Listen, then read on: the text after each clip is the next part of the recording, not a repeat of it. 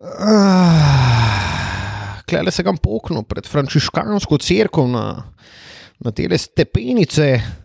Mm, kako mi diši burek iz nobla. O, zdaj le si ga bom privoščil, o, kako sem utrujen od kolesarjenja celodnevnega. O, ja, Volt mi daje veliko, a veliko tudi vzame. Ampak tale burek mi bo pa. Gospod, Ja, osebni dokument, prosim. zakaj? Kontrola. Zakaj? Zakaj sedite na javnem mestu? Gospod Plavc, jaz sem samo lačen. Mislim, Zakaj, gospod, gospod, zakaj se prehranjujete na javnem mestu? gospod Miličnik, uh, samo lačen sem, usedel sem se pred crkvo frančiškanov in zdaj bi rad pojedel ta burek, kaj lahko? Ja, gospod Voltaš, tole bo kazen. Zakaj? 5000 evrov za obedovanje na javnem mestu sej sem bil sam lačkan. Ne. Tudi mi smo. Pa Janša pizda. Tudi mi smo. A on bo pa kradel, tudi mi smo včasih lačni. Je bo, kvaze pa jaz ne morem enega bureka pojesti iz nobla, kurba, že tako, tako ste mi ga zaprli po deveti. Vol dela do ponoči, pizda vam materna plavc. Plavc. Gospod, stopite malo z mano. Tole je bila uh, igra in sicer igra povsem, uh, tako le bom rekel, uh, kako se že reče. Igra Tole- prestola na javnem mestu. Tako, ampak to je bilo povsem iz glave. Kako se temu reče? No, da mi to slovensko besedo.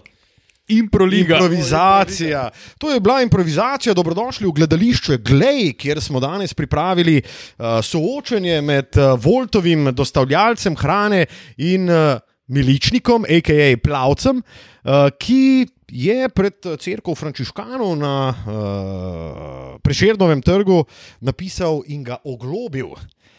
Tilen Lamut kot policaj, Lukaš Čecin kot dostavljalec Volta in uh, Matija Kosmač kot Na ključni mimo idoči. Tako nekako. Um, ja, dajmo pravico za dostavljalca Volta in dobrodošli v 50. Hej! 50. epizoda podcasta Dvokorak. Bravo mi, kdo bi si mislil, da nam bo to ratal? Kaj sta vidva miselna, ko smo pričeli s snemanjem podcasta? To je bilo pa 18. decembra leta 2018, smo objavili prvega. In ali sta si takrat morda mislila, da bo ta zadeva šla tako daleč? Da se bomo pri 50. epizodi na 16. novembra 2020 uh, zopet družili in zopet dobili, in zopet bomo solili, kar česa, česa, česar ne more. Kdo že, komu si ti rekel, v matko in kotu, kdo, Kdo si ne more posoliti z desno roko testenin. okoro? A je?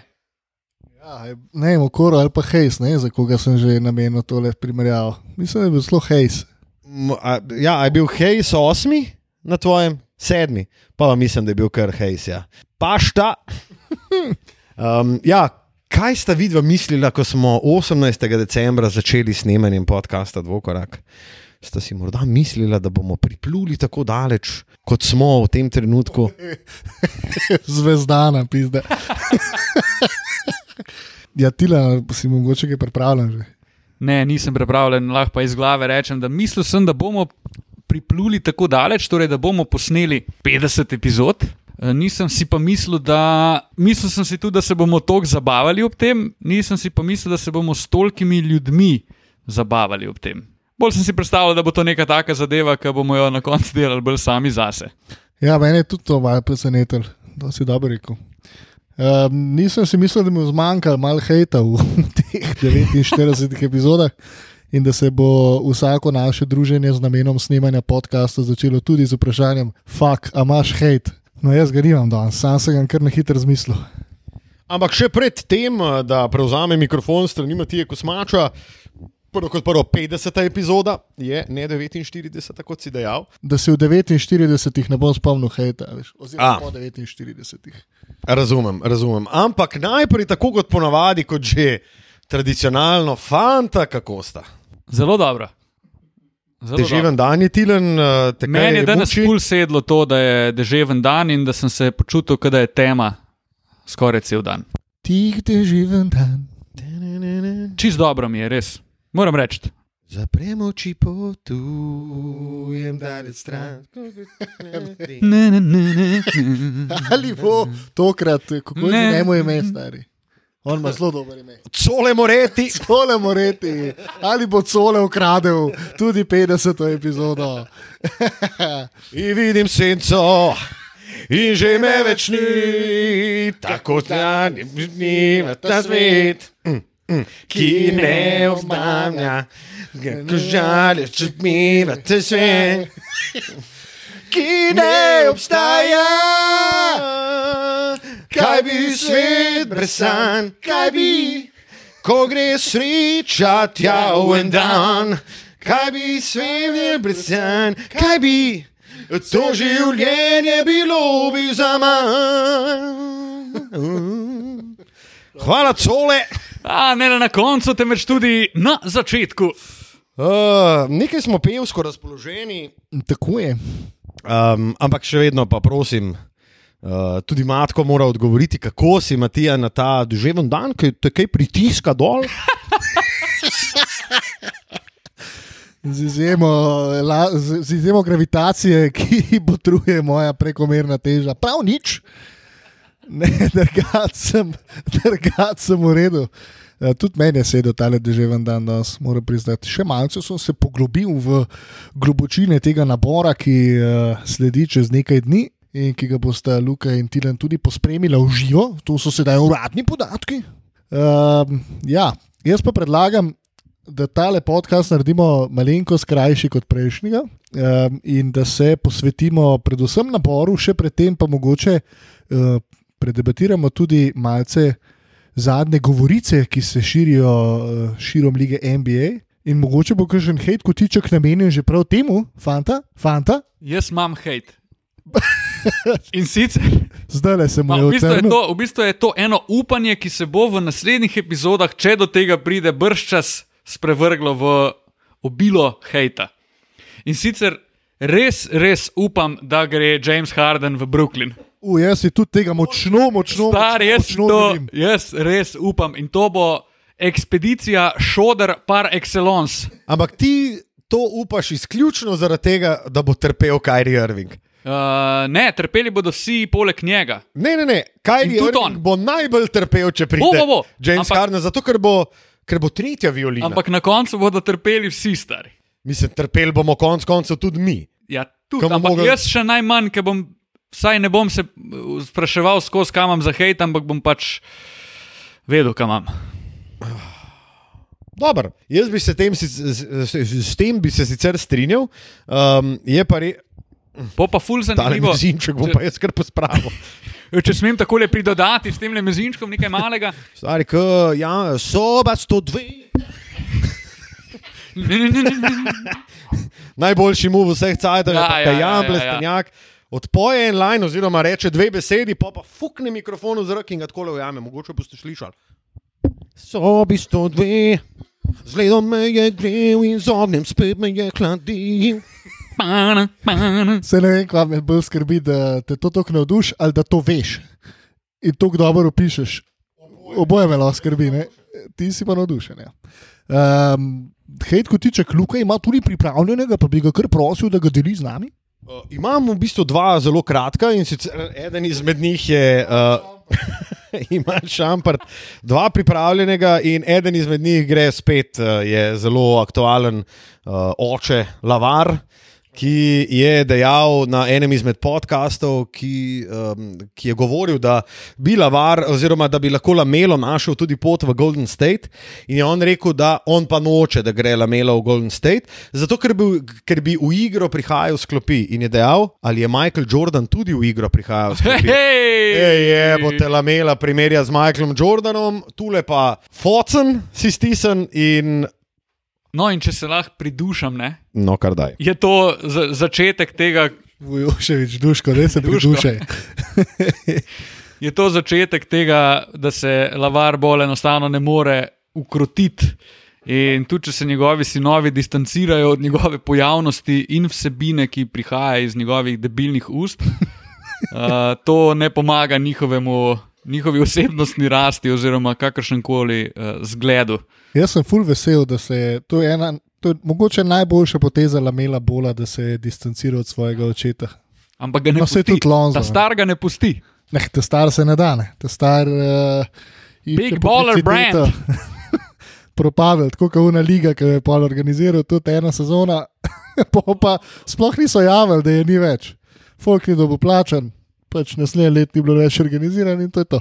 Super. Vsega, kar se ta, dotakne, uh, lavar bol. Odplakne v kanalizacijo, stari, ker to je pa tako slabo, stari. Uh, drugi, drugi uh, tako kratki hate kotiček je pa, uh, včeraj sem prebral uh, Vož, pa Šems, pa Bleacher Report, ESPN in tako naprej. So poročali o tem, da je seveda, kar je bilo vsem jasno, Anthony Davis opt-outov, uh, samo zato, da lahko na mesto 28,7 dobi 32,3 milijona dolarjev, kakorkoli. In ker sem šel brati komentarje spodaj, pa seveda tistih, ki so našpičeni proti jezernikom iz mesta Angelov, stari to so bili fot photoshopi, da ne vem, Anthony Davis gre v Charlotte, pa v Ja, ja, ja, Chicago, ja, ja. pa dober fant je moj, stari dekleta moja, dajte se nekaj brukat, dajte se nekaj brukat, stari. Mislim, in, a veš, in pol imaš tam Hrvate, Srbe, ki to piše, pa kam imaš ti z Antonijem Davisom, stari, pa kam imaš ti konc koncev, ne vem, s Chicago Bullsi pa hočeš, da je pač tam ok, ja, navijaš, pa vse kul, cool, sam stari ti Chicago nisi videl. Poleg tega je pa Chicago imel en, enega najboljših sloganov uh, vseh časov, ker je, uh, mislim, da bil nekaj let zapored, je bil Murder Capital uh, of United States, torej največ umorov um, v tem mestu in so dal slogan Chicago, sicer neuradni, seveda. Um, Visit Chicago. Because of ne, deep fried pizza ali kva imajo, nekaj tasga ali pa ne vem, zdaj sem zmislil. Visit Chicago because of the food. Stay there because you got murdered. Wow. Ker si bil Wow, wow, umorjen na ulicah Chicaga, vetrovno mesto, kjer uh, v vetru se znajdejo tudi krogle, ampak prosim. Dost bruk beremo na Twitterju, že strani uh, našega predsednika vlade in uh, tudi nekaterih ministrov, pa tudi sekretarjev za nacionalno varnost in tako naprej, ki imajo obraz definitivno prevelik za to, kar je gor. Um, in bi rad sam rekel, da nehite se blamirati, prosim, po Twitterju, ker to je pa, to je pa norišnica. Pa poleg tega, sam še to rečem, oprosti, zdaj sem si malo vzel, je nikogar, nikogar ne zanima vaše mnenje, sam tok. To bi bil zdaj proper rent. To je bil zdaj proper rent. Jaz bi se uh, pridušal še enkrat na besedo umorjen. Namreč ob nedavnem obisku Beograda v družbi Luka Štucina smo šli. Odlična zgodba. O, ko mi čakam, O. ko mi čakam. Ja, eh, smo šli. V bistvu hodili smo, prišli smo na bulevard Zorana Džinčiča, ki je bil mimo grede tudi umorjen v atentatu. Um, In ko smo prišli na ta bulevard, tam je ena, kar nekaj takih vrstnih uh, tavern, kioskov in podobnih stvari, ne, v katerem sta se tudi vidva znašla že, uh, torej Matija in Luka ob uh, nekoliko bolj davnem obisku srpske prestolnice. In tako, ko smo se trije kolegi sprehajali po teh ulicah, je Luka iz uh, čistega miru, ja, tam le 500 metrov naprej je bil pa matko umorjen skoraj. A se res? Ovo ti je blok, ovo ti je blok 70, brate. Stari, jaz sem sad le na kebab prišel. Ovo ti je blok 70. Znaš, kdo je to? Znaš, ko je tu glavni? A, znaš, ko je tu glavni? Skratka, Wow. Zelo dobro. No? Po šmrku pa več, kot snaga pobere snega, stari pozim, ne me jebat. Uh, v bistvu je bilo tako, bolj, rekel sem, hej, klele, naprej je pa ena dobra, uh, takole, uh, ena dobra zadevca, ker imajo dobre paštice, no 500 metrov naprej je bil pa Matija skoraj umorjen. Pa to je čisto res. In hvala Bogu, smo imeli enega srba zraven, ki nas je pa, ki me je rešil iz te situacije. O moj bog, ampak super, ne? kolega na moji levi, Lukaš Tucin, ki je pa sicer bi No, pa se je tudi takrat želel uh, mi pomagati, oziroma stopiti v bran, ampak vse, kar je naredil, je sam še dolil olje na ogenj. Ker uh, v tistem, ki je on ta model se obrnil iz bloka 70, uh, sem jaz rekel, kao, ne, pardon, če sem, če sem te pogledal, če sem ujel A, Luka tvoje pa takoj v oko, bran. se opravičujem. Ne, ne, Luka pa, šta je, šta je? In sem rekel, Luka, tole ne more biti dobro, tole ne more biti dobro, da ga ti sprašuješ, kva je, stari. Ne, ne, ne, čakaj. Jaz sem mu, povsem kulturno sem mu rekel, kvaje. Ne, Luka se je počutil, kot da je sred Beograda, ampak v resnici na Bavarcu, pa ti preden greš na trolo, en te živi v petih zjutraj. Ne, Jaz sem se Pa rekel, kot da kva sem je. V škefi nazaj, pa da je pač tam en pameten. Ampak ne, um, v bistvu je bilo tako, model je bil pač neugoden, zadet je bil k prnorcih. Ogaben model, in ko je on se začel neki pač tam za matkota, matkota zrivati, pa ga neki grdo gledati, pa je bilo pač ta scena, da je blok 70, brat, ti znaš, da si ne, ne, ko je tu ovdje glavni. Sem jaz sam rekel, pač, kva je, da se začni obnašati, sam to sem rekel. Ma se stali smo v vrsti stari za uno blogo pleho, pizda, oziroma za piščančji kebab, um pa blok 70, pa poli me kurat, stari, iz kje si ti, stari. Mislim, pa ne pover se nazaj v ta blok 70. Daj mi to pleho, pa je dio. to pleho, pa nehi biti. Pizda model bi si nos obrisal, pa bi bil polček koke noter, stari, koke je bil na- zadet model, stari, res. Po nas je pa Marko. Radisavljevič, mislim, da nekaj tazga, Marko Radanovič nas je rešil, uh, sodelovec iz sportkluba, um, s katerim so še vedno v kontaktu in se še vedno rada spominjava uh, tega dogodka. Smo pa sam to, da navte mislili, da smo največji pusi, smo pa pol kebabe, hot doge, pice, plehe tam pojedli. Čeprav je on rekel, večjemu ne, ne, smo tam pojedli in smo šli dan, pač ni ga bilo nazaj. Jaz sem ti zapok. oh, good times, good times, fajn je bilo. No. Matija, kaj pa tvoj hate kotiček? Ne vem, moj hit kotiček je mogoče to, da mi gremo malo na penis, da ljudje. da, se, da se je ta fama o tem, kako je ta drav slab, tako razširila. Ker, uh, ko si ga neko- nekoliko pobliže ogledaš, tako kot smo si ga tudi mi v zadnjem času, ugotoviš, da ni to grozno slab, uh, samo igralcev z zvezdniškim potencialom res ni veliko. Drugače pa tle en kup igralcev, ki lahko jutr igrajo za eno čisto resno NBA ekipo v eni dost vidni vlogi. No, dost je igralcev z izdelano vlogo za ligo NBA že v tem trenutku.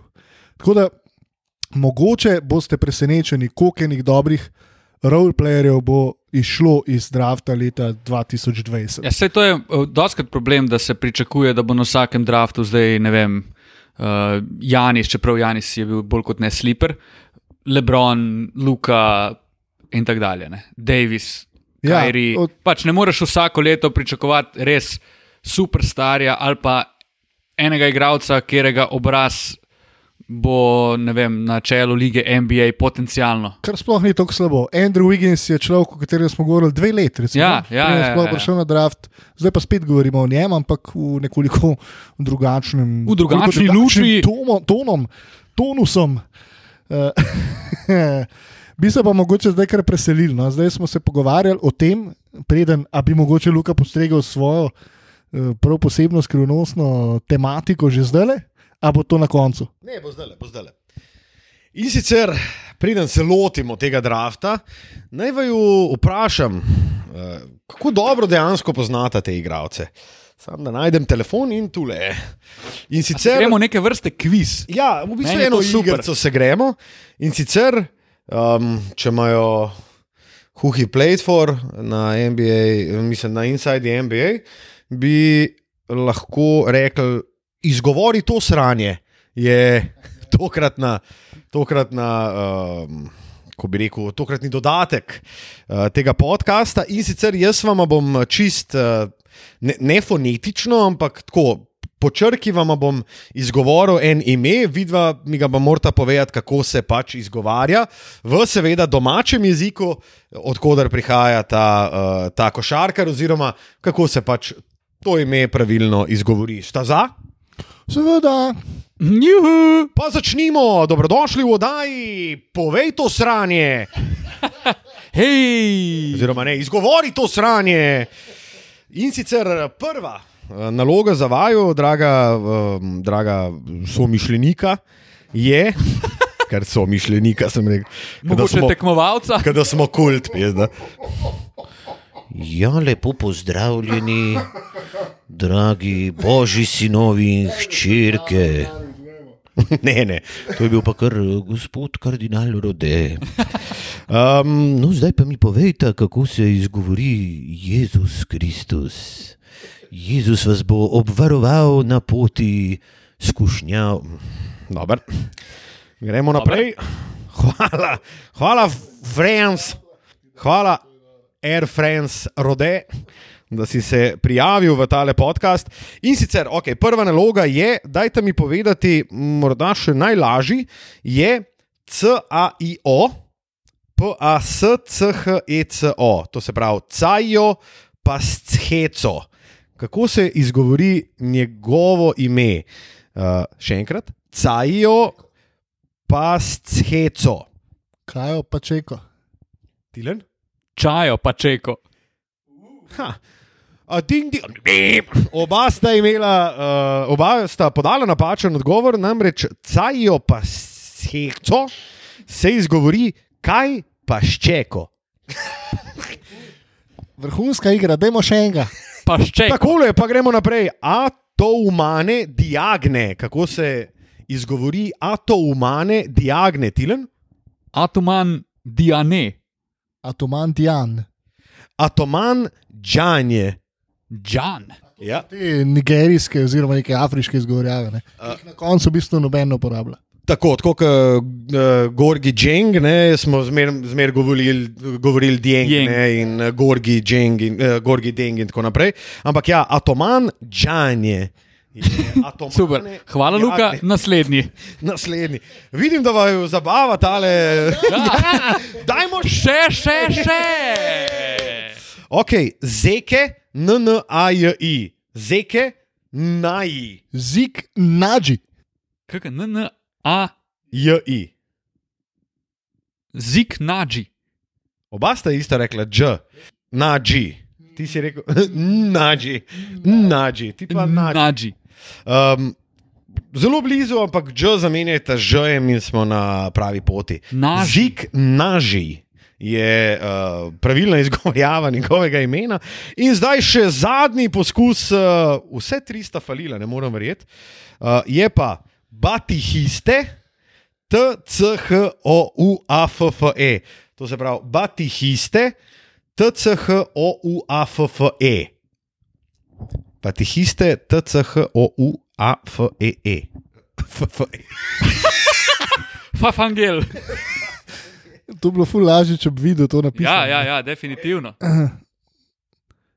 Batihist, čauf.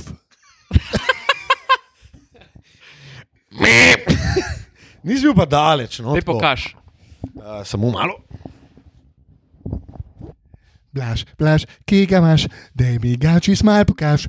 Aha, Tiran se je zbral in pripravil mikrofon tule. Batihist čuafe. Bravo, priimek je bil pravilen, samo ime pa definitivno ne. Zato, ker je H v njihovem jeziku je, uh, neslišen in je Neslišen. bateist čuafe. No, dobro, kul. Cool. Sam še čakal sem kakšno iz Svahilja. Aha, Volili smo za Bidna, oziroma navijali smo za Bidna in za njegovo uh, seveda, kandidatko za podpredsednico, tako da tole ni bilo rasistično strani Matije Kosmača. To je bilo samo pač oponašanje Svahilija in uh, to ni, to ni Svahili, meni se zdi, to sem malo prebral. To so tile bušmani, ne so tako govorili. Zelo dobro, kot da bi morda. lahko vedel, kako so govorili. dobrodošli v oddaji National Pravkar, Geographic. Dobrodošli v oddaji Animal sem Planet. Te, pravkar sem te poslal domov, tile. Sam prav, če ne poslušaš. Tudi. Okay. Uh, Luka, hvala za tole. Moram reči, da se je zelo potrudil. Tle je sicer prišel že v pol petih do mene, ampak je kar kakšnih 30 minut porabil za to, da je razvoznal. eh, Ja, zakaj ne bi pretiraval, če smo tako ponosni na te luke? Super. Upam, da bo pačihist čuaf, kako koli že. Batist čuaf, eh, upam, da bo izbran kot 49 in da boš ti takrat še, da boš takrat še kar v komentiranci, da boš lahko. Da boš takrat lahko to ime in primek tudi aplik- sklanjal. Da boš lahko aplikativno tole znanje uporabil. Uh, Otoman Džanje bo izbran definitivno v prvem krogu. Uh, Obenem pa nekaj zanimivosti. Virtualni draft bo. Um, komisar Adam Silver bo tudi v ESPN-ovem studiu odkomentiral oziroma naznanil prvi krog drafta, uh, drugega pa bo seveda njegov pomočnik oziroma podkomisar lige NBA. Uh, tako da mene prav zanima, kaj so pripravili. Glede na to, da je bil Babel dober narejen. Uh, glede na pač situacijo, me prav zanima, kakšen bo ta virtualni draft. Definitivno bo neki žmohta od ozezdga, ker pač ne bodo oni sedeli za mizami, ampak po mojem zna biti tudi zanimiv dobiti pogled v dnevne sobe teh predstavljam. tam malih, ki imajo po mojem nore mrtke pa fotre. Jaz si to predstavljam, da so vsakemu dostavili eno full dobro kamero in mu jo namontirali na TV, in on pač na TV-ju bo gledal Adama Silverja, in prek te kamere bomo mi lahko gledali njega. Mene pa žal, zato ker ne bo navijačev v dvorani. Ja, To, tudi jaz to. to bolj pogrešal kot njih za zeleno mizo ali v zelenem green roomu. ne. Um, ja, malo žmohta v ne. ampak nijam ok. Žmohta v podkastu je še precej na voljo. In uh, naredili bomo mock draft, kot smo se pogovarjali, sicer mock draft od 1 do 8. Uh, ja, ali od 8 do 1. Ali, A na koncu naredimo tiste naše prijazne, prijazne vprašanja fanov. Ja, na koncu pa prijazno vprašanje naših uh, poslušalcev in poslušalk. Zdaj pa mock draft, številka ena. Tilan je napovedal kar nekaj tradov. A boš ti te trade tudi vmes najavil, imaš že kakšne ideje, kako bi lahko izgledali, ali se samo ustanemo pri tem, da rečemo, da tradov bo kar nekaj. Jaz sem mislim, da bo ogromno ekip, ki trenutno zbirajo od 1 do, dajmo reči, 10, zamenjalo ta mesta ali pa celo jih izgubilo na račun menjav igralcev. Ja, ja. Luka, Luka, da je počasti mi. Počasti me, Luka. Zdaj se jih pivo nabira, tako da malo počakajte. V glavnem, Ja, skratka, ogromno menjav osebno pričakujem. Ker je tudi, mislim, da je uh, številnim ekipam, kot sem omenjal že prejšnji podcast, ali pa to sem hotel omeniti, pa me je Luka neprijazno prekinil. Uh, Seveda sem bil jaz. ja, si bil, ja. A jaz sem bil. Ja, ti si bil. V glavnem, mislim, da je mnogim ekipam tudi v interesu bolj, da se da tradajo, pa dobijo nekaj, kot pa da zbirajo igralca. Super. Uh, prvo mesto, in sicer kot prvi na naboru izbirajo košarkari. Wow, ne, košarkari ne bodo kaj dosti izbirali, ampak bodo izbirali vodilni možje pri Minnesota Timberwolvesih. In prvi pik je po Lukovem mnenju, ki ima vse skupaj lepo črno na belem, razkrinam. A bomo šli od zadaj, od spredi, dobro. Everybody spredi zadaj, vsi norijo, ker slišijo vse komadi, gremo zdaj le vsi. Everybody spredi zadaj, to je za vas folk. Številka ena na tokratnem naboru lige NBA 2020 izbira Minnesota in številko ena odhaja v mesto Volkov, v Minneapolis, zvezdno državo Minnesota, Anthony Edwards. No, pa da imamo malo pokomentirati. A se strinjaš, Tilč? Jaz se strinjam. Jaz mislim, da tukaj niti ne bo kaj velikih dilem. Jaz mislim, da oni lahko presenetijo sam, če vzamejo lamela, ker um, govorilo se je, da bi D'Angelo Russell želel igrati na dvojki. In mogoče bodo iskali celo uh, bolj handlerja, pri Minnesoti, tako da pridejo poštejo predvsem lamelo. No? Pa glede na to, da je to Minnesota, se mi zdi, da je mrskej možen. Po mojem, Minnesota je sposobna tudi Jamesa Wisemana vzeti kot prvega. Mislim, Prav to nima sploh ne- absolutno nobenega smisla za njih. Ne, jaz mislim, da to knori niso, no. vse. Um, se mi pa pri tem Edwardsu pržge, ne pržge, ampak pojavi en kupenih zastavc, kot da bi spremljal otvoritev olimpijskih iger. In sicer eh, nekaj prehranimo še za uh, mojo Instagram serijo, vsem tistim, ki jo spremljate, hvala lepa, hvala tudi za prijazne odzive. In moram reči, da je ta serija vrhunska in da se jaz iz dneva v dan skupaj s Tilnom. Rona.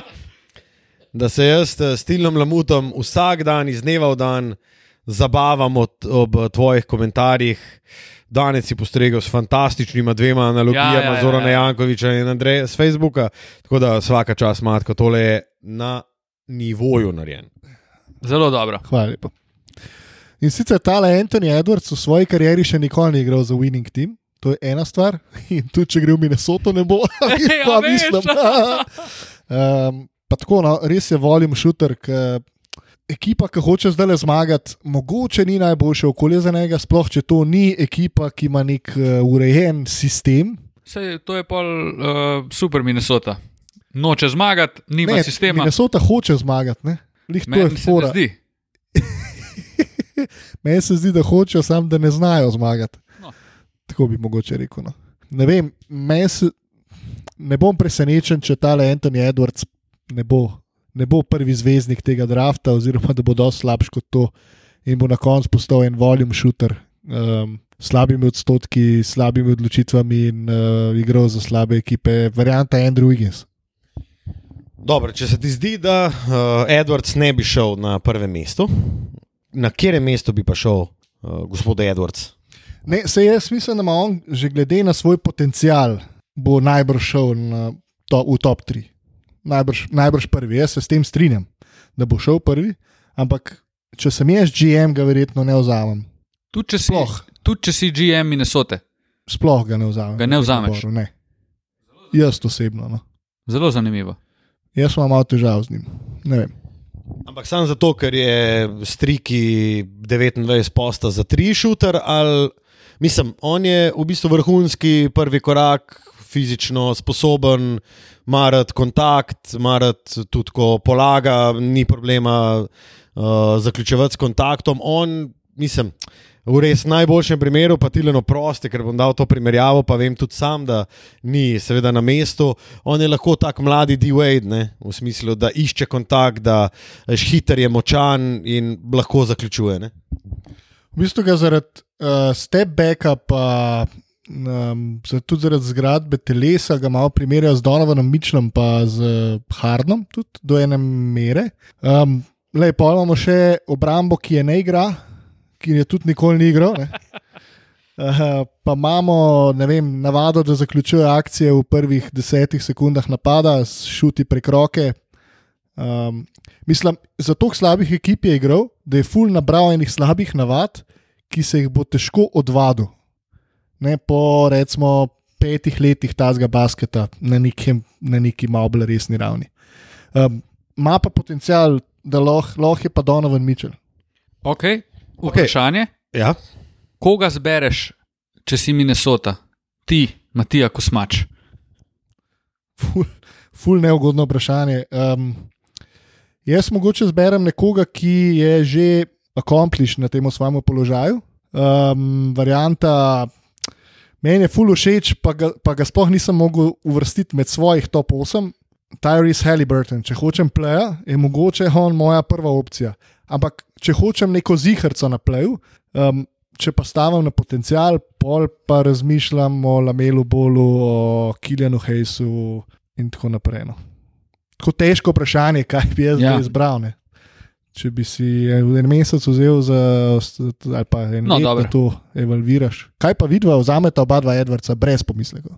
Mislim, jaz brez pomislekov, zato ker tako vem, da ključi so v rokah uh, Keta, ne, Karla Antonija Townsa in da je pa Towns je heavy na usage rateu, Towns je heavy pač pravzaprav posod, meče trice, meče po razdaljo, ba, uh, bampa noter v raketi. Ne. In v bistvu ti. Poleg Townsa, ki je seveda preliminarno je napadalni igralec, um, seveda tudi tukaj ti dam prav, ne rabaš nekoga, nekoga ki tudi ne igra obrambe, ker smo videli, kaj se zgodi z nekom kot je Wiggins. Ne. Je pa mogoče kle malo lažje to kompenzirati, zato ker gre za nižjega košarkarja, zato ker, gre, uh, ker ni pač tako visok, ker Anthony Wiggins pa bolj ima uh, prste vmes pri organizaciji igre, ampak Pizda, jaz mogoče izberem najboljš, kar imam na voljo. No. No, točno in, to. Ja, in ne Točno gledam na to, um, kdo je najbolj NBA ready, ampak mislim, v bistvu gledam potencial in NBA readiness in to, kaj lahko dobiš jutri, ko ga podpišeš. Recimo. No, sej zato sem ga tudi jaz dal v Minnesoto, ampak imam pa svoje pomisleke, no. vse tako, ki jih imamo pri vsakem igralcu. V bistvu. Na drugem mestu Golden State Warriors je mogoče prvi, prva priložnost, da Tilan zaupije, imamo trade. Ja, definitivno. Jaz mislim, da Golden State na drugem mestu ne bo zbiral, ampak bo zbiral nekdo drug. Detroit si ful želi priti naprej, kljub temu, da ima sedmi pik po defaultu. Um, pa so od zadaj tudi neke ekipe, ki po mojem bi jih to znalo zanimati. E, Detroit je predvsem zanimiva opcija. Želijo si med drugim tudi Lamela Bola, zato ker je njegov, mislim, da high school coach iz Detroita oziroma iz Michigana in on je tudi treniral veliko uh, z enim izmed pomočnikov trenerja uh, pri Detroitu, tako da Detroit je bojda zelo, zelo zagret za uh, Lamelčuja. Ja, pa tudi njim bi kot ekipi v nekem zatonu, oziroma v neki, kako bi rekel, v leru, Nasploh franšizi, ki nima, sedel nek hype. In, ki išče Pol. obraz. No. ja, Oni so iskali ta obraz že z Blakeom, pa vsi vemo, da Blake ne more biti lih obraz katere koli izmed franšiz. Mislim, ne more biti človek, ki bo dvignil renome tvoje franšize. Lamelo bolj bi pa prodal vsaj prvih deset tekem v naslednji sezoni, se mi zdi, Tako, no, če ne drugega. Prišli ga bi pogledati, dok se ne bi prepričali, ali je ali ni. Če pa ostanemo na drugem mestu z Golden Stateom, pa mislim, da vsi trije enak odgovor. Ja, Luka, te, razkrinem, Adam, Adam povej nam. Modri mož. Ja, jaz se popolnoma strinjam. Jaz mislim, da ni, kot sem prej rekla, glede na potencial, um, koliko je človek NBA redi in koliko ga ekipa Golden State potrebuje, oziroma potrebuje igralca na njegovem položaju.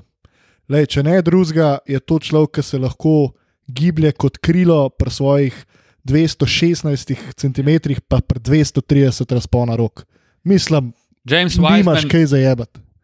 Jaz mislim, da Wiseman je največji fiks in jaz mogoče sploh ne bi, ne bi šel v, v Golden State, v Golden State varianto, da tradaš navzdol, ne? ampak jaz bi Wisemana vzel. Predvsem zato, ker vem, da ima Golden State že zgodovino, kako zna utilizirati visoke košarkarje. Stari Javel Magi, uh, govorimo o Andrewu Bogotu, govorimo o fucking Jordanu Bellu, stari. A veš, to so koristnjaki v sistemu, ki ga igra Steve Kerr, v sistemu, ko imaš ti v, v ekipi dva najboljša šuterja vseh časov. Ti rabaš nekoga, ki je heavy na uh, napadalnih skokih, nekoga, ki lahko malo mal, uh, koga pokomovčka, ki lahko malo naredi placa v raketi, stari in to ti rabiš. In nekoga, in nekoga ki je. Tako gibljiv, kot si rekel, pri 216 cm, da ti vse, kar mu ti vržeš v visini ti table, da ti pa zatlac skozi obroč. In to je prototip človeka na visokem položaju, ki ga Golden State potrebuje. James Wiseman je po mojem najboljši igralec tega drafta, bi znal biti. Ja, se strinjam. Ja. Mislim, je pa že zaradi tega, kar smo prej rekli, je tako, kot je rekel Luka, ali si ti rekel, can't miss. Ne. Mislim, res je Ja, tako. jaz bi rekel, da Golden State je v zelo privilegiranem položaju. Njim se je dobesedno je- propadla lanska sezona. Dobili so zdaj drugi pik na draftu, ki si ga niti v sanjah niso mogli predstavljati, da ga bodo v bližnji prihodnosti imeli. In zdaj imajo v bistvu vse pogoje za to, da imajo dober čip za trade, ampak se jim s tem tradom nikamor ne mudi, zaradi tega, ker vejo, da imajo drugi pik in karkoli zbere Minnesota, bodo oni imeli še celo plejado igralcev, med katerimi lahko zbirajo. Po vsej verjetnosti bo to Wiseman, ker pač Minnesota res ne rabi visokega igralca in ne morejo narobe narediti. Poleg tega pa, po mojem, Bob Myers, Steve Kerr in vsi ostali so ljudje, ki so dejansko sposobni vzeti oziroma iščejo tisto, kar rabijo. In je Wiseman v tem primeru velik, velik fiks za v Golden State. Ena, eno zanimivo razmišljanje, mogoče, kar se je tudi pojavilo. Um, kaj pa če recimo Cleveland trade navzgor, trade z Golden Stateom in Golden State da svoj drugi pik, da Andrew Wigginsa in še nekaj, uh, in v svoje vrste pripelje Kevin Lava. O tem se je kar precej govorilo. A se ni govorilo love za Draymonda? Pa Ne, še ne, nek. ne, ne. Jaz sem danes Če videl. ti Golden State Draymonda ne daš nikoli. Jaz se s tem definitivno strinjam, ampak danes sem videl nek rumor, neko govorico, da naj bi tri ekipe bile upletene v trade, ki bi posledično zamenjal Lava in Draymonda, s tem, da bi Draymond šel v uno tretjo ekipo, ne pa v Cleveland. Ja, mislim, Jaz tega kot Golden State nikakor ne bi naredil, ampak No, naj ampak- ostane le pri govorici. A vzameš pač trade, da ekipa gre gor po draftu, oziroma greš ti dol, plus Andrew Wiggins, plus najbrž še kakšen pik za Kevina Lava. ja, plus najbrž njihov pik prve runde. Okay. Ne vem. Ali vzameš Wisemana. Jaz vzamem Wisemana. Človek za mlade igralce pa vzamem Wisemana. Um, Charlotte Horneci, še ena ekipa, ki si želi uh, više na draftu, oziroma si želi Jamesa Wisemana, no, malo drugače povedan. Um, Wisemana tukaj ne bo, tako da se odprejo neke druge opcije. Jaz sem na tretje mesto vrgel Onjeko Okongvuja, ki je dobil en kup pohval. Uh, sicer me malo, mislim, tudi on zaradi svoje gibljivosti, pa predvsem zaradi svoje obrambe, tudi na nižjih košarkarjih, sploh v pikarol akcijah. Um, kaj vidva pravta? No? Jaz bi rekel, da je Charlotte ekipa z veliko krizo identitete v tem trenutku. In če bi lahko, bi definitivno zbrali nekoga, ki bi potencialno predstavljal obraz franšize. In smo spet parlamelo. In tu smo spet pri Lamelu Bolu, ki ga jaz osebno, tako kot ti, ne bi izbral nikdar Antonija Edwardsa, jaz v Lifeu ne bi izbral Lamela Bola. Ampak če Charlotte zame Lamela, me to ne bi presenetilo, kljub temu, da so že heavy na, na organizatorju igre z Rozirjem in Grahamom. Kaj jasno je, noben od teh dveh igralcev ni obraz, ki bi te pripeljal v playoff ali pa še kako stopničko više. Ne. Pač oni dva sta v najboljšem primeru Spencer Dividi pa Karis Lavert, za katere V naj, najbolj, v naj, najboljšem primeru. ja. Mislim, pa sem grdo rekel, ampak pač je tako, no. Spencer Hotel vidi kar velik šef. Meni je tudi Karis zelo velik šef, ampak uh, hotel sem povedati, da pač taka ne popularna, ne markantna igralca, če tako gledamo. No. Uh, ja, jaz imam isto na trojki, imam Lamela Bola. uh, Čeprav sta predstavila nekaj um, zadržkov, glede na to, da oni bolj potrebujejo centra kot PG-ja. Ampak ja, jaz mislim, da Charlotte je eden, eh, meni je Charlotte vedno taka ekipa, ki nikoli ne vem, kaj bojo naredili. Tako kot Minnesota, ne, tako kot New York Knicksine, to mi je Charlotte. Jaz nikoli ne vem, kaj se bo tam zgodilo, koga bojo, za koga bojo tradili, konc koncev. To, oni so ljudje, ki so iz Indijane za veliko milijonov pripeljali tudi Lensa Stevensona. Pa je to eden mojih najljubših igralcev, ki je pač sprdnja totalna iz življenja svojega, ampak to je taka ekipa, ki pripelje Lensa Stevensona za 14 milijonov na sezono. Ja, se kar strinjam. No. Ej, kaj pa Lamelo bolj? A verjameš, da je on lahko zvezdnik v Ligi NBA? Prej Kalonzo, predvsem, ok, tudi on ima to motoriko šuta, pa kako mu noge odnaša, premeto je noro, res, da bi. To je malo popravil zdaj le v na, na, ne, v Avstraliji, bilo, ne, Avstralija. Za Ilavara Hawks je igral. Uh, jaz mislim, da bo on dokaj podoben Kalonzo. Imam sicer feeling, da zna biti boljši. Uh, či, mislim, čistejša motorika uh, meta, obenem se mi zdi pa, tako kot si ti rekel, recimo te, temu previewju, da vse je on, košarkar na tem draftu z najboljšim pregledom nad igro, dober je z levo, desno. Uh, zdaj pa, če ga šti znov krotiti, njegove odločitve, njegove šute, njegove konc koncev podaje preko igrišča, ker je v NBA-ju to krok, da ti ne moreš praktično spraviti podaje čezne. Um, če ga bo znal kdo pač tako ukrotiti, pa mislim, da uh, zna biti precej boljši od svojega uh, starejšega brata. Jaz mislim, da on ima star potencial. En redkih košarkarjev na tem naboru, no, ki lahko postane zvezda za moje pojme, je Lamelo, ampak teh uh, ifov je pa precej ne, teh vprašanj v zvezi z njegovo osebnostjo, v zvezi z njegovo obrambo, v zvezi z njegovim šutom, ampak v dan današnji ligi NBA je visok igralec na pleju ali pa na dvojki, ki lahko razigrava svoje igralce, pa da še meče za 37 postov, je pač trenutno diamant, ki se išče za vsako ekipo in tle jaz vidim največji. Največjo možnost, da, ukolikor dobi recimo ekipo kot je Charlotte, ki lahko gradi na njemu in okoli njega, je pač toliko večji potencial, da ukolikor, je, ukolikor ni čisti bast, da lahko naredijo celo božga kot eno. Ne smemo pa pozabiti niti to, ne, da tipo še raste. On zna se potegniti še za kakšen inč ali dva. uh, bolečina se nikoli ne konča. Hej, um, se zna še malo uh, potegniti, obenem pa vse vsi vemo, pa vse v NBA-ju bo na bildu in jaz mislim, da je on lahko tak nek mini, mini terminator na, na pleju, če bo pač. Dost, mislim, videli smo, kaj NBA naredi z fucking Jani Santeto kumpa.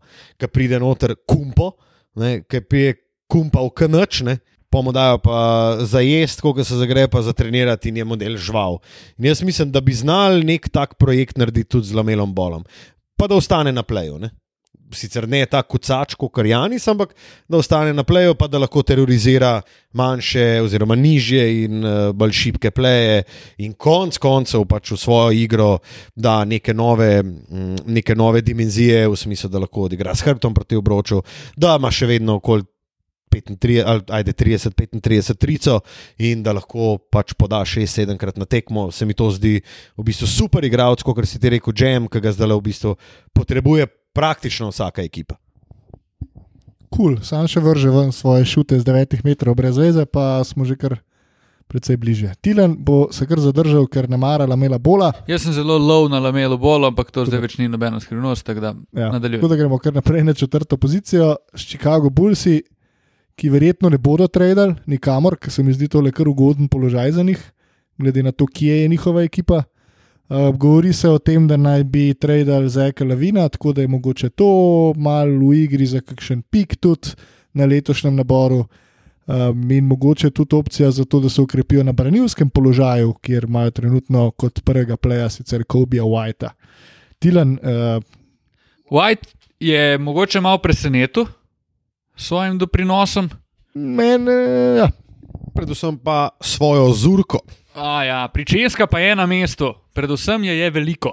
Mislim, to je človek, ki igra, v, igra kot dvojka v telesu enke. No? Ja, In to sem jaz malo pričakoval. Ja, to mene niti ni tako presenetilo, je pa res, da je težko pa najti mesto za njega. To je tudi ena, ena, en primer v ekipi, ki nima spet nobene identitete, in pa se najde en igralec, ki igra dobro, ampak v resnici v resni ekipi White imaš veliko težavo z njim, ker ne veš, kaj je točno njegov položaj in vloga. Daš ga na enko, ker ima telo za enko, tam je nekoristen, daš ga na dvojko, nima telesa za dvojko in ima spet težavo z njim. Ne. Maja pa noga koča, ko verjetno hotel pustiti pečat na tej ekipi. Tako da spremembe, po moje, so.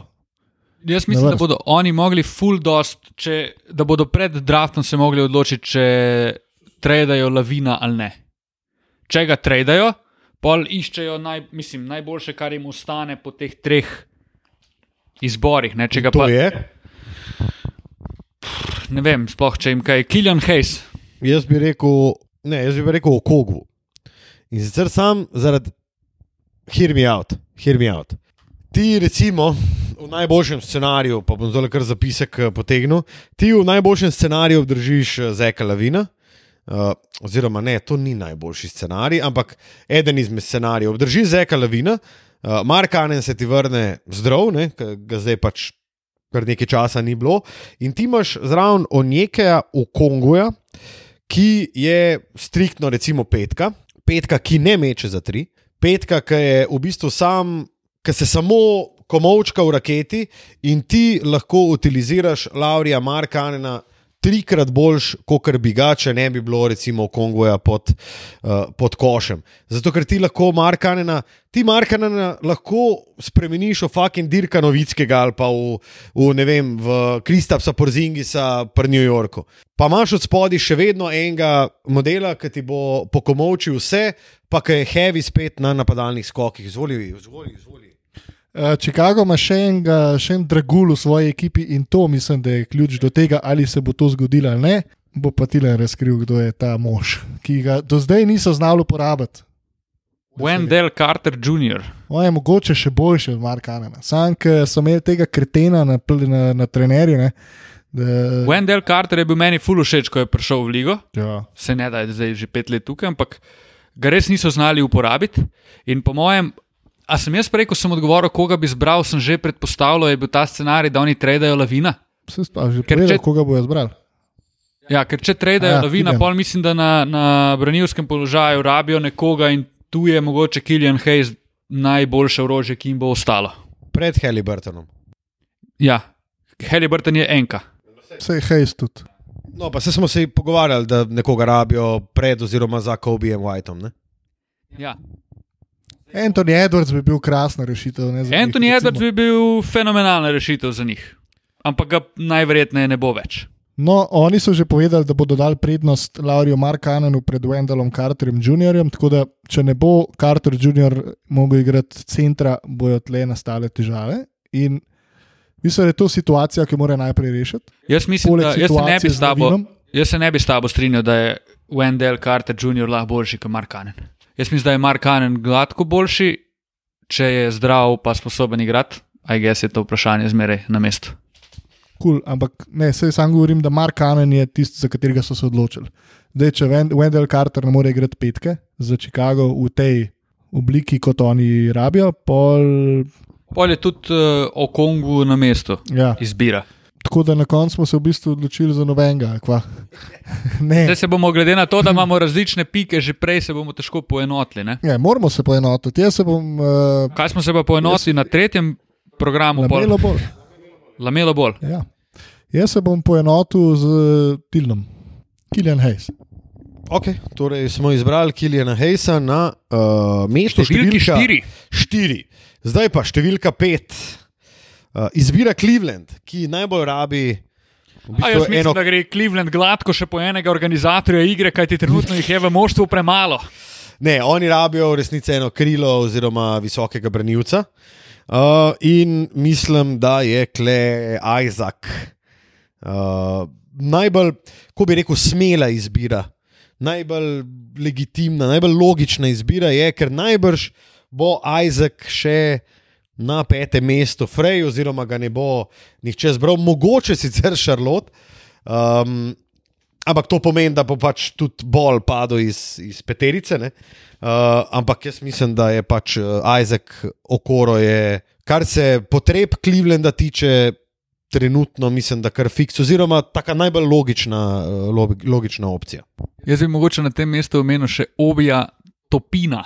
Ja, Obi Topin je mogoče kandidat za najboljšega novinca leta naslednje let, ker je um, mal starejši. On je meni všeč glih zaradi tega, ker je že dve leti bil na faksu. Ja, malo je starejši, jaz vam, meni on sicer ni najbolj všeč, če si iskreno. Meni se zdi on igralec, ki bo full dobro na losing team, Možno je. zato ker je full pade v oči, zato ker navije windmill čisto v vsaki možni situaciji, kuca med nogam v kontri, eh, gibljiv je v božjo mater, ampak v obrambi ga ni. Vsaj za enkrat, če ni več pokazal, da lahko igra obrambo. Uh, sploh nimajo podatkov o njegovem wingspanu, torej jaz sumim, da ni prav, uh, What? da ni prav širok njegov razpon rok. Um, ne vem, no, in kupenih zadev me pri tem obijo top in umot. Ma pa sicer ful je skočen, ful, ful se dobro znajde v pikarov situacijah, ko se odkriva pod koš, kuca, kažval.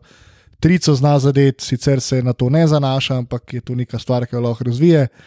Um, Meni se zdi poor man's Blake Griffinon, um, brez smisla za asistence. Zbral se pa bolj strinjam z Izakom Okorojem, recimo, um, oziroma s Krilom. Jaz sem mislim, da tja dal Devina Vesela, Ja. ampak eh, tudi z Okorojem se lahko strinjam. Vesel se mi zdi trenutno mal bolj izdelan igralec, zato ker je klasičen 3D, mal je večji, mal je daljši od Okoroja, uh, predvsem precej bolj šmeče z razdalje, ampak Okoro ima več potencijala, da postane recimo neka, da postane recimo all, borderline all-star.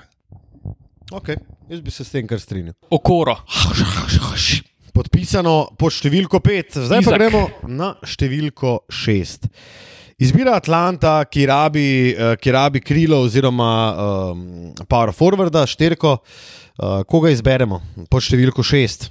A rabijo štirko? A res rabijo, ja, a res rabijo oni. Clint štirko? Kapela, pa ta tam mal, 20 ima cifro. John Joe. Collins. Ja. Rabijo. Ok, GM. Ok, Luka, jaz se s tabo ne strinjam in bi izbral Devina Vasela, če ga prej nismo izbrali. Um, ja, drugač pa ne vem, ne vem. O, drugač pa o nekaj o Kongu. V Kongu je že šel, Ne, ni šel. a ja, ne, jaz sem ga zbral kot, uh, Štiri, ja, dobro, ok. Ne, jaz sem imel recimo pod šestico v Atlanti, sem imel Denija. Ampak samo zato, ker sem ga mogel dati pač v top 8, ker smo se že prej pogovarjali, da je meni lagano Deni izven, izven prve deseterice. Um, in se mi je zdel najboljši fit pri Atlanti, ki uh, se mi zdi, da najbolj potrebuje kot sem rekel, krilnega košarkarja, oziroma tudi power forwarda, in še vedno bom stal za tem mnenjem. In jaz mislim, da bi Deni Audija, ma ok, bi bil zato, ker je on je dober kater, dober slasher, zna dobro otekati in to bi, mislim, da Trey Young zelo znal uh, uporabiti, oziroma uh, je kul, cool, da ima nekoga, ki se zna premikati brez žoge. No, Jaz sem na Denija, ker malo pozabil, se strinjam s tabo. Deni se mi zdi dobra odločitev na tej poziciji um, zaradi vseh naštetih stvari, ki si rekel. Je pa zelo veliko odvisno od tega, koliko GM ekipe, ki ga bo zbrala, verjame v to, da bo razvil šut. To je osnova za Denija, da ostane v ligi, da postane koristen igralec v ligi. Če razvije šut, recimo, že, da je veliko delo na tem že zdaj, govori se. Pol ima potencial Deni, da postane, jaz sem rekel, da ima potencial, da postane tretji igralec na ekipi, ki igra za naslov prvaka. Zato, ker ima en kupenih teh intangibles. Ne. Ful je, ful je borben, uh, igral je že resen basket za resno ekipo, um, zna, kot se reče, igrati brez žoge, zna odigrati pikarol, zna postaviti blok, prevzema od 1 do 4. Tokenih stvari zna, ampak nobe, v nobeni stvari zaenkrat res ne, ne blestino. Ampak ja, če GM v to verjame, je Deni lahko loh gre tudi tretji, ampak res je veliko odvisen od tega. Jaz mislim, da se Deni tudi zelo šverca na hajplu Kedončiča. Zato, ker ga nekateri ga mičkam primerjajo z njim, Euroliga, Makabi, top ter ekipa v drugi najmočnejši lige na svetu, bi takoj rad spodkopal te uh, izjave. Uh, ok, vemo, kaj je naredil v Euroligi, praktično nič, bil je MVP izraelskega prvenstva, ampak bi se pa strinjal s tabo, da on je lahko velik koristnjak. Um, je pa polet, oziroma zdaj jesen, bojda zelo, zelo veliko treniral tudi off-ball, um, otekanje, um, full akcij, full ta feeling, ki ga on že ima, ampak kao da bolj prepozna obramba, kje se lahko sesede, s tem, da je on pač slasher, je to iz komovca, je to iz, po, po osnovni črti, uh, je to backdoor cut, kako koli. Jaz mislim, da bo Deni uh, tak en zelo zelo tak zafukan igralec, ki ga ne boš hotel opaziti, zato ker ti bo skozi laufu, ker bo skozi laufu, skozi bo katno, skozi bo odzuni na trici. In jaz mislim, da je Deni v najboljšem primeru lahko košarkar, ki ima recimo 38 posto iz stranske trice, pa ki je slasher, pa ki zna mogoče še kaj obde, uh, podelati v obrambi. Pa njegova osebnost je treba le še izpostaviti, ker je fajn poba pa si želi napredovati. No. Mogoče največji plus pri njemu je to, da je fajn poba. No, Jaz bi rekel, da Atlanta ne mara. Ja, ne, ne, ne, pa, ne. Ste pa videli na kavici z njim, da veste, da je to fajn poba? Ne, da ga ne no? maram. Sem videl intervju z Majkom Šmicem, je res izpade kul, cool, dečko. No. Tako da si želi, da mu uspe in tudi stvari, ki jih dela, so stvari, ki jih nekdo, ki ima naduvan, ne bo šel trenirati. Uh, kaj pa, če bi on delal intervju z Abdullahom Alfa-Leđijem? Ker Mike Schmidt je židovski primek ne, in ime, in morda je. Iz... Kako je uvedel, stari, pa ne, ne. Abdullah, pa je že. Ne, pa berse. Ja, no, ja, no Janoš. Um, jaz bi rekel, da Atlanta rabi 3D Gaja, je pa tudi vprašanje, kako hitro hoče oni napredovati v smislu nekih uh, zmagovalnih interesov. Baj hočejo zelo hitro, tako da tudi tle v igro prijeka še en tret. Cool. Uh, kdo izbira naslednji, Luka? Detroit. Detroit, uh, cool. Pravi, mi gremo do 8, čakamo se, da prijemo do New Yorka in pa lahko tudi gremo spat. Ne, lahko gremo tudi do 10, kar se mene tiče. Um, Detroit, sedmo mesto. Hočejo pleja, boj da za, za moje pojme je Tyrese Halliburton, gladko. Vse, kaj dosti drugega ni, mislim, kaj pa še ostane. Ja, boj da hoče tudi uh, uh, eno šterko, ampak to je uh, drugotnega pomena. Uh, bi pa jaz se strinjal s Tylerjem Halliburtonom. Uh, če bi pa želel štirko, bi pa obija izbral, obi vanke in obi. Um, glede na to, da kot smo se že pogovarjali, obi lahko gre prej. Uh, Tyler Halliburton pa najbrž ne, tako da mislim, da je najbolj legitimen izbor po številku 7, uh, stroj, da izbere Tyler Halliburtona, če ne bojo tradili za lamela gor. Dame in gospodje, prišli smo do osmega mesta. No, jaz bi še to rekel, Ah. kar, na kar sem tudi, sorry, ti, se bom fulno hiter. Na kar sem opozarjal, da če v Kongvu ne gre v Šarlot, lahko ful zdrsne. In zdaj sami vidimo, ko malo gledamo potrebe ekip, da o nekaj v Kongu, ki je mogoče top 3 talent na tem draftu. Ja, pa posledično bi lahko bil presenečenje. Ja, ja V smislu se izkaže za res velikega, velikega koristnjaka. Kar v bistvu on naj bi bil. Uh, ja, pa smo prišli, Tilen, oprosti, kam je, kam je pripeljala podzemna. V Madison Square Garden. V kanalizacijo, kjer se bo znašel med vsemi power forwardi, Bobby Porti, Staž Gibson in tako naprej. Rabijo oni mogoče še kakšno štirko. Ja, seveda, obi je top. Obi bo šel lepo v New York, eh, kjer bodo heavy na štiricah, še Mičela Robinsona smo pozabili. Eh, Iz eh, penzije se bo vrnil tudi Carlos Buzer, ki bo igral za New York. Eh, Potem pa iz penzije tudi Anthony Mason in eh, Charles Oakley, ki bodo vsi zaigrali za New York, eh, ki bo zopet taka rupa, stari da. Jaz upam, da New York pripelje Rasla Westbrooka. Veš, kaj mi je najboljše? To bi bilo meni noro. Una ekipa, ki bo izbrala Rasla Westbrooka, tako kot sem zanč rekel, ko smo se pogovarjali, si kupi enosmerno vozovnico za v kanalizacijo, kanalile, kanale. Stari, oni grejo v tako kanalizacijo, stari, z Raslom Westbrookom. In kot je en novinar napisal, Ampak grejo lahko well še done, New York Knicks, to fight for playoffs and lose in the first round.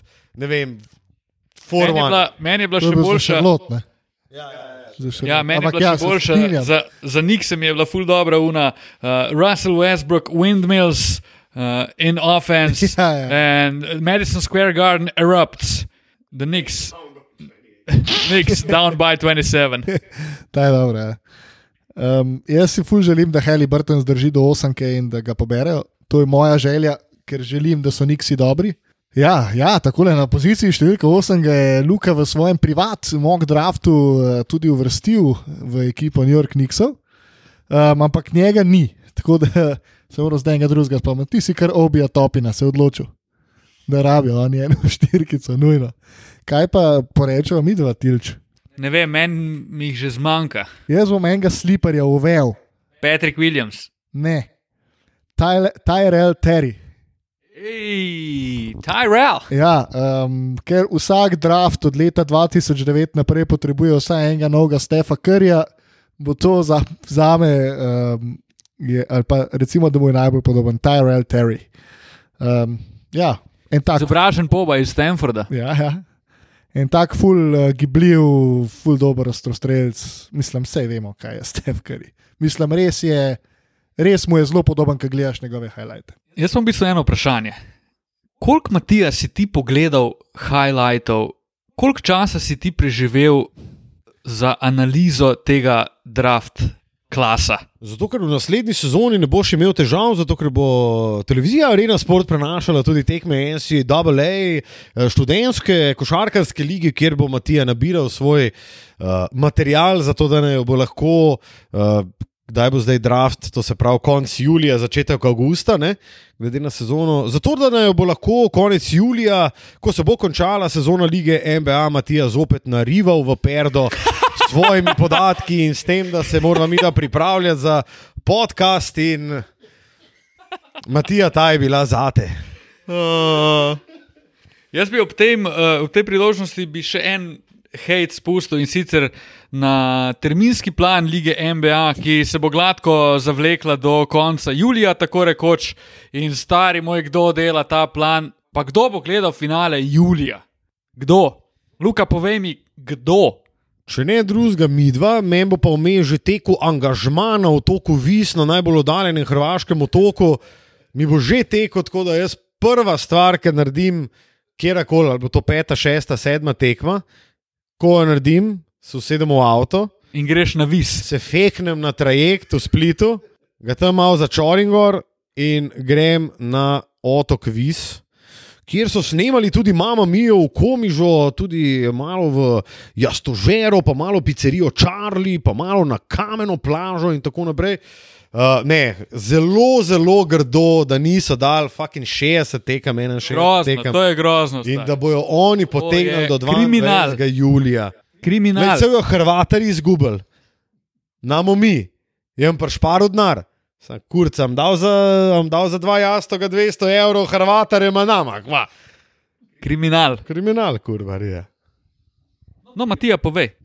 Ne vem, koliko je to v urah. Je ne par ur. Je. Danes sem si tudi zaradi tega našega podcasta vzel malo še za tale late late first round, je ne par.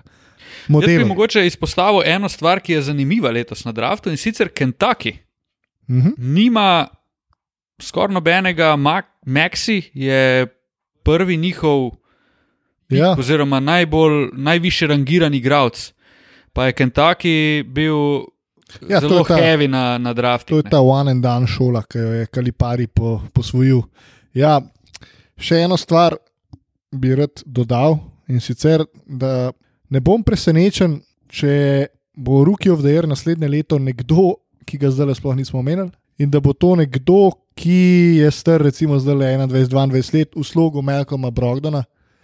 Um, tle na koncu prve runde sem si vzel Cejt za, za dva pleja, ki najbrž ne bosta, ampak bosta pa dobra igralca st- straight um, v naslednji sezoni, Melakaj Flynn, Peyton Pritchard, pa Desmond Bain je še en tak zanimiv. To so vsi fanti stari 21-22 let, ki so odigrali tri ali pa štiri sezone. In ne vem, no, po mojem bojo, bo z jih kakšno tako presenečenje. Enega človeka, ki so uh, primerjali tudi z Devontem, Grahamom in Malcolmom Brogdonom, in uh, človek sliši na ime Grant Riller. On je pa eden najstarejših v draftu, 23 let, uh, igral velik, um, ob enem true shooting, zadnji dve sezoni na koledžu, čez 60 posto, 22 pik na tekmo. On zna biti jeben, če pride v pravo ekipo. Zdaj, jaz sem si še malo skautinga naredil za Granta Rillerja in sicer oni napovedujejo celo, da bo šel v drugi rundi, kot je šel recimo Malcolm Brogdon, pa konec koncev tudi Devonte. Um, je pa res, da ima dve pomankljivosti. Ena je njegova starost, 23 let, konec koncev zgubiš ti 3-4 leta ne, z enim igralcem, uh, obenem pa on nima neki velik uh, izkušenj z NCAA turnamenti, to se pravi, ni prišel s svojimi univerzami, oziroma svojo univerzo v um, zaključni turnir, March Madness, kako koli. Uh, ampak jaz mislim, da on je bil isto, kot si ti prej rekel, v slabi ekipi, kjer je sicer dominiral, ampak Za konc koncev, ne vem, jaz se spomnim, Stef Kar je z Davidsonom zgubil v, mislim, da drugem krogu turnirja, prvem krogu turnirja, pa je bil daleč najboljši košarkar in až Grant Riley je tudi eden izmed teh, ki, ne govorim, da bo, uh, ja, Riley, really, kakorkoli, uh, bo eden izmed teh uh, igralcev, Riller, ja, uh, eden izmed teh igralcev, ki lahko res presenetijo, pa so lahko zbrani tudi v drugem krogu. On je moj prvi sliper. No. Kul. Cool. No, jaz sem za svoje malo že omenil. Jaz sem rekel pa enega, ki sem ga prej na pamet rekel in mi je Matija k temu pritrdil. Sem- Jem Madar, Aha, kul. Cool. Jam Madar, Ja, Madar, ja. še en Izraelc. Jam. Uh, Pidžame. mogoče, mogoče še informacija, okolikor ne veste, za slovenske ljubitelje košarke tako le Dallas izbira 18 in 31, Miami 20.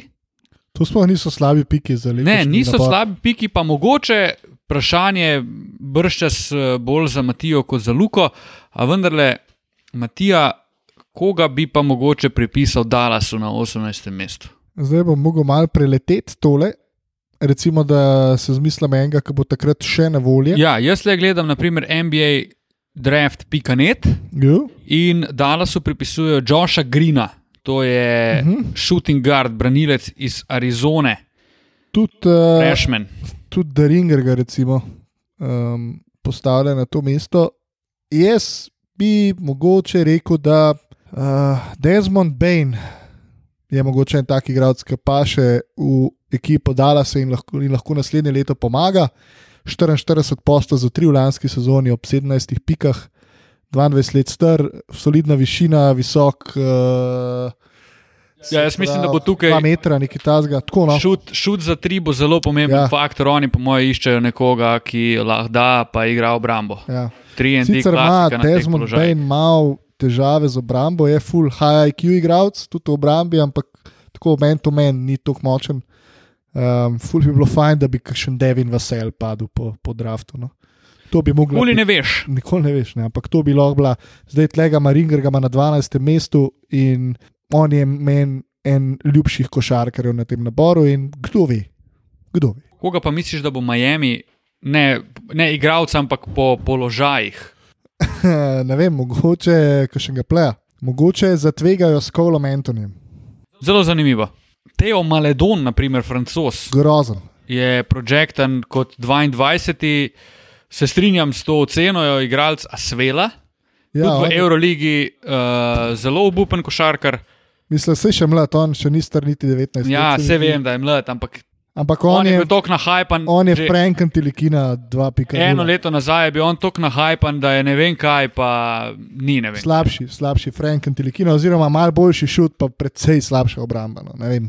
Jaz tudi njega ne vidim um, kot future, future igralca v- z neko veljavo. Ok, Cool. zdaj bom pa jaz zadnji segment tega podcasta odprl, ker smo dolžni ljudem, ki so nas že kar nekaj časa nazaj vprašali, A po, danes smo kar kratki. ja, vprašali na teme. Uh, Na teme, ki pritičajo mladim igralcem, uh, glede na to, da smo tik pred naborom, mislim, da je to zelo primeren čas, da se tega tudi dotaknemo. Imamo štiri vprašanja in začnimo. Kako primerna je Euroliga za razvoj igralcev, ki pridajo iz srednje šole? Tu se dotikamo verjetno variant uh, Brandon Jennings, uh, tudi Lamelo Ball v končni fazi. Zelo, itd., itd. zelo neprimerna. Za moje Luka? pojme, Hitra ocena mogoče? Jaz bi rekel, da je primerna. A res? Ja. Če ne drugega, dobiš feeling igrati z odraslimi moškimi, eh, če ne drugega, te pretep. Veš kaj, izkušnje dobiš, če ne drugega, to dobiš, da ti lahko dejansko s profesionalci prideš pol špilat. In ja, ok, Brandon Jennings je en tak primer. Konec koncev, Mislim, a veš, Brandon so taki Jennings. igralci, ki s- niso bili izbrani na naboru, pa so šli v Evropo, pa so se tam naredili, pa so šli nazaj v, v ZDA, Bradley Wanamaker in tako naprej. Pa še so basketaši, ki. Jaz mislim, da v Euroligi dobijo to, kar jim je manjkalo v NBA, to se pravi ta korak naprej, tam ga dobijo, grejo v NBA, kjer lahko konec koncev pustijo pečat. Meni se Euroliga zdi čist v redu odskočna deska za NBA. Ja, meni tudi, če si vzameš 3 do 4 leta v Euroligi, če si vzameš pa, da priješ srednje šole in hočeš čez eno leto na draft, se mi zdi pa najslabša izbira. Se mi zdi bolj, da greš direkt iz srednje šole v razvojno ligo lige NBA, delaš na stvarih, ki misliš, da bo, s katerimi lahko v NBA delaš dodano vrednost. Uh, ja, če si pa star 22 let in misliš, da ne bo zbran na draftu, je pa Bradley Wanamaker varianta super. Jaz imam največjo težavo s tem, da bi človek hotel iti v Euroligo, da se ti najverjetneje zgodi to, da prideš in noben resen trener te ne jemlje čist resno, ne igraš skoraj nič in na koncu po eni sezoni vprašaš, zakaj sem jaz sploh prišel sem. Ja, sploh Je določena izkušnja, definitivno, boljša kot pa na faksu. Mislim, vprašanje, no, če je boljša kot pa na faksu, Ja, ker ne ja. igraš nič, ker v moji knjigi je to za mlade igralce, da igrajo dejansko ključna komponenta. Ja, no, če nisi pripravljen vložiti precej časa, pa igrati uh, kot deseti igralec v ekipi prvo leto, pa mogoče tudi drugo, je to zelo slabo. Če si pripravljen spustiti štiri leta v Evropi, pa iti s 23 v NBA, ok, se pa. Bi pa rekel, da je to ok opcija. Drugo vprašanje, katera svetovna liga in morda celo trener je najbolj primeren za razvoj teh mladih igralcev? Ping, ping, ping, ping, ping, ping, ping, ping, ping, ping, ping, ping, ping, ping, pong. Ja, Kentucky, John Calipari v Evropi bi pa rekel, By the way, eh, dokumentarc o Johnu Kaliparju, vreden done. pogleda. odličen. Izjemen, izjemen dokumentarni Pa film. res ogromno basketašev iz Kentuckyja, ki so bili izbrani Stari. Prvi na naboru. Ko jih on vse povabi na svojem spiču v Hall of Mhm. Fame, ko jih vse povabi na oder, pa tam gledaš, stari, da reprezentanco iz tega sestaviš, in ne zmaga nihče. Točno to. On je z najboljšo taktiko, ever show, kao. Pridite, Vsi so ga sovražili. pridite za en let in unika vejo, tam mali, da ne bojo hoteli biti štiri leta na koledžu, pridejo za en let ja in direkt v NBA. In je to to. Kalipari, v Evropi bi pa lagano rekel, gremo Žalgiris, ki ga vodi Šara Sesekevič. Vse. Ga Ja. ja. je vodil, oziroma ki ga vodi, to je pač trener Šaras, in Šaras ekipa. no. je trener, ki mu bi dal mladega igralca, da ga naredi. Jaz sem lih zadnjič uh, en podcast poslušal, kjer je bila Vilanova uh, izpostavljena kot ena ekipa, ki vedno da ven NBA redi igralce. Um, in Vilanova pod taktirko J.A. Wrighta se mi zdi v ZDA, če, si, če nisi lih superstar, ki lahko zbira, ali gre v. A gre igrati za Kaliparijo, Kentucky ali pa za Šiševskega v Duke. V Evropi pa ne vem, kaj je najboljša pot. Ne vem, mi tu mega Lex, pa gremo, ali kaj so mega B. Ja, mega je, Mega- mega, mega soccer bet. mega soccer bet. Ja. Mega je zelo dober plat za razvoj igralcev in meni je dejansko princip ustanovitve oziroma obstoja tega kluba v tem trenutku zelo všeč, ker je njihova vizija jasna, njih ne briga rezultat. Če je rezultat narejen, torej neka zmaga, pokal so osvojili, mislim, da 4 leta, 3 leta nazaj, super, krasno, fantastično, ampak to sploh ni cilj. Cilj je dobesedno dati minutažo igralcem, ki so stari 20 let in jih narediti za NBA draft ali pa zelo močno prodajo nekemu Euroligašu. Zato bi jaz recimo tudi šel kot mlad igralec v ekipo, ki jo vodi Andrej Trinkieri. Jaz sem zadnjič delal broze, stari Fleming, Bajen. ne, ne, uh, broze, ampak sej Trinkieri je bil trener broze. ne. Um, Kok je broze pod uh, Flemingom, ki je bil tudi uh, trener, selektor nemške reprezentance, in Trinkierjem, stari, kaj so oni dali od sebe. One dva sta dala od sebe od Bradleya, Wanamakerja do Kajla Heinza. Do... Oni so dali ene šest, sedem takih američanov, ki harajo po Euroligi, obenem so ti dali pa še par švabov, Daniela Tajsa je dal broze. Um, Tiborja Plajsa je dal broze na začetku. Tako on, oni dva, Fleming in Trinkieri, stari sta naredila toliko mladih igračev, predvsem pa teh američanov, ki so pršili. Nisi bil izbran na naboru, ok, gremo v Evropo, grem do Trinkierja in mi da minutažo in naredim. Isto ima recimo zdaj zvezda z Lloydom in Waldonom, ki sta oba, mislim, da 21-22 stara. Lloyd je več. Walden je 22, 21. No. Mislim, Lloyd, je, Lloyd sploh ne vem, zakaj ga je Valencija spustila. Recimo. Ampak ok, ja, štekam. Pač ta, eh, ta moment, da greš do enega trenerja, ki veš, da, ki veš, da te zna narediti. Šaras, Andrej, Trinkjeri, konc koncev. Veš, ne greš do Svetislava Pešiča, ne greš Sej, do Itudisa, ki te bo z eno so- napako te bo benčil za Ja, tri tedne. oni so ful preveč nestrpni, za, nepotrpežljivi do razvoja takih igralcev in je težko. Mimo grede, Jordan Lloyd je un model, ki je imel najboljši pogled na šut Kawaja Leonarda za uvrstitev proti Fili. A res? Model, ki je oblečen zraven Jordan. A res? To je Jordan Lloyd. A Zelo niste dobro. vedeli, jaz sem mislil, Ne, da ne, ne, jaz nisem ja, tega ja, vedel. to je on. Zakon. ja, To je Jordan Lloyd. Tako ima. Ja, ja, ja, to, to, to. Ti pa hara zdaj. Ja, zdaj pa ubija, to je pa divje, kva dela v Euroligi. 20,6 uh, točke na tekmo, drugi strelec Eurolige je Will Clyburn, ki jih ima 17 neki, to se pravi, model ima. Bolnica. Model ima res do, dobro strelsko obdobje na začetku Euroligaške sezone. Tretje vprašanje. Zanimivo. Kaj je boljše za draft stok in razvoj igralca? Dajmo se osredotočiti tukaj na draft stoku. Igranje v neki kvalitetni ligi, naprimer eni Evropski ligi, ACB, tudi v končni fazi ABA liga in tako dalje. Ali v dobro medijsko pokriti, a še vedno sejovski ligi, tipa Avstralska, Novozelandska, kjer so ti mladi igralci relativno dominantni. Avstralska, novozelandska. Jaz bi tudi rekel, žal, Mislim za drev stok.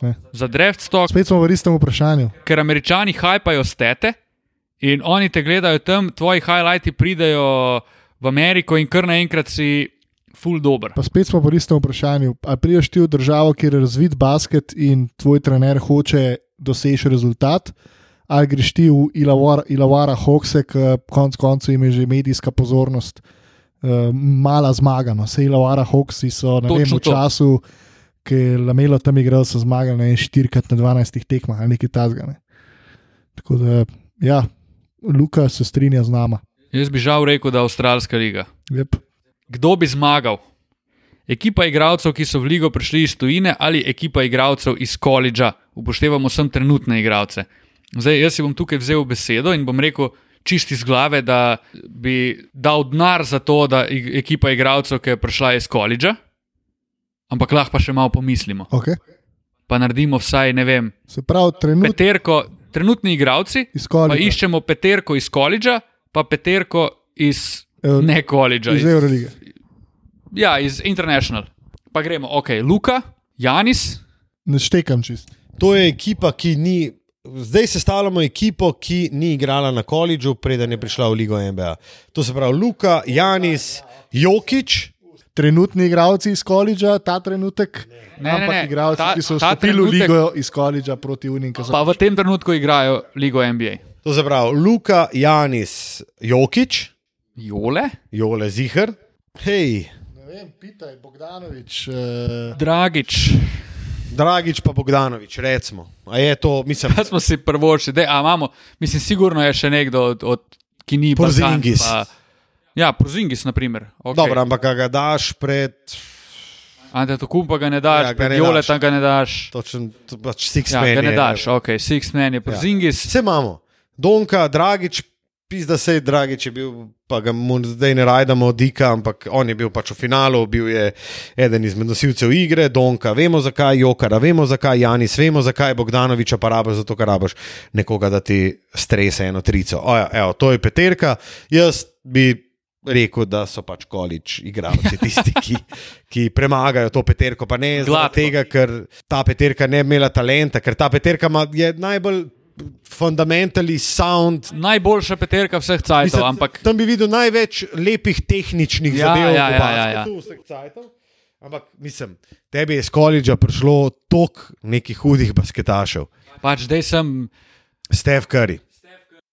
Anthony Davis. Ok, lahko gremo sestavimo ekipo Kentuckyja v tem trenutku, pa po mojem imamo že dober nabor. Pa imamo Demarkusa Kazinsa, pa Antonija Davisa, pa Johna Walla. Ne, mislim pa sej, toliko je teh igralcev, da se niti spomniti ne moreš teh ja, ja, igralcev. Okay, Harden, Ja, Curry, Davis. pa se lahko pogledamo. Kdo je še top 10 igralcev v ligi? To je kar groza, ko se ne moreš spomniti dejansko. Ja, ne, pa se imaš Lillarda. Ja, pač sem naštevaj neke dobre igralce in to je to. Evo, ti takoj povem. Uh, ja, KD, pizda. Uh, Imáš uh, Russell Westbrook, James Harden, Steph Curry, Anthony Davis, Chris Paul, uh, Kevin Durant, Kawhi Leonard, Paul George, Damian Pač- Lillard, Jimmy Butler, Bolenca igralcev. Torej, odgovor je Bolanca. Pač ja, zmagali bi igralci najbrž iz koledža. Tako, koledž igralci. No. Žal, se upravičujem. Ja, uh, prijadili smo do konca vprašanj o mladičih, kot sem naslovil tale segment. Uh, hvala za vaše vprašanja. Uh, vedno znova ste tudi dobrodošli, da nam postavljate nova, postavljate nova vprašanja, nove dileme, nove ideje za tematike.